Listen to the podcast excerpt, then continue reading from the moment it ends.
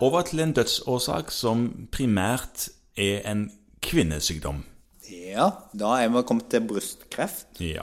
Det er noen menn òg, Det er noen menn òg. men de bidrar ikke stort i denne sammenhengen. Nei, altså i, eh, i 2015 så var det nesten 3500 tilfeller. 2015? Ja. Aha. 2015 var det nesten 3500 tilfeller av brystkreft. Ja. Og 24 tilfeller blant menn. ja. Det var snaut 1 Ja, Men hvor mange som dør av det, som er det vi har hatt som tema her, og det var i 2018 658. 658. Men dette ser jeg for meg er en ganske vanlig diagnose. Ja, altså som sagt, det er jo 3500 nydiagnostiserte i året, som en da klarer, hvis en er litt våken når en hører på dette, forstår, så er det sånn at når, når det blir 3500 nye hvert år, og de lever ganske lenge med kreften, fordi at det går noen år før man defineres som kreftfri, så er det klart at da er dødeligheten ikke kjempehøy. Nei.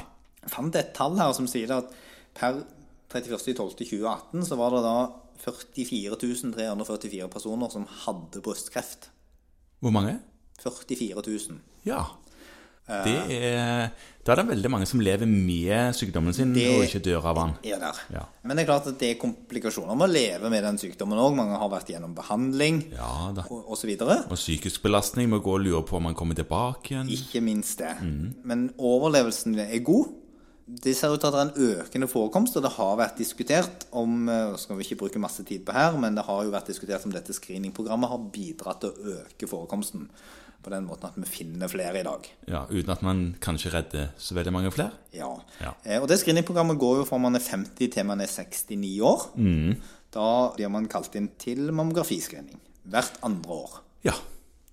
Og er den vanligste måten å finne dette på, i tillegg til til at man kjenner en kul og en klump.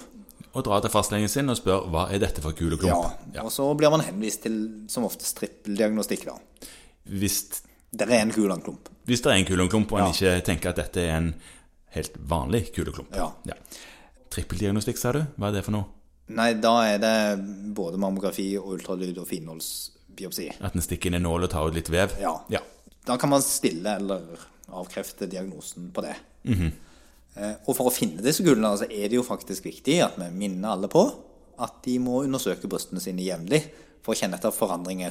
Ja. Fordi at en forandring kan være ganske viktig i det å avdekke at du er i ferd med å utvikle en svulst i brystet.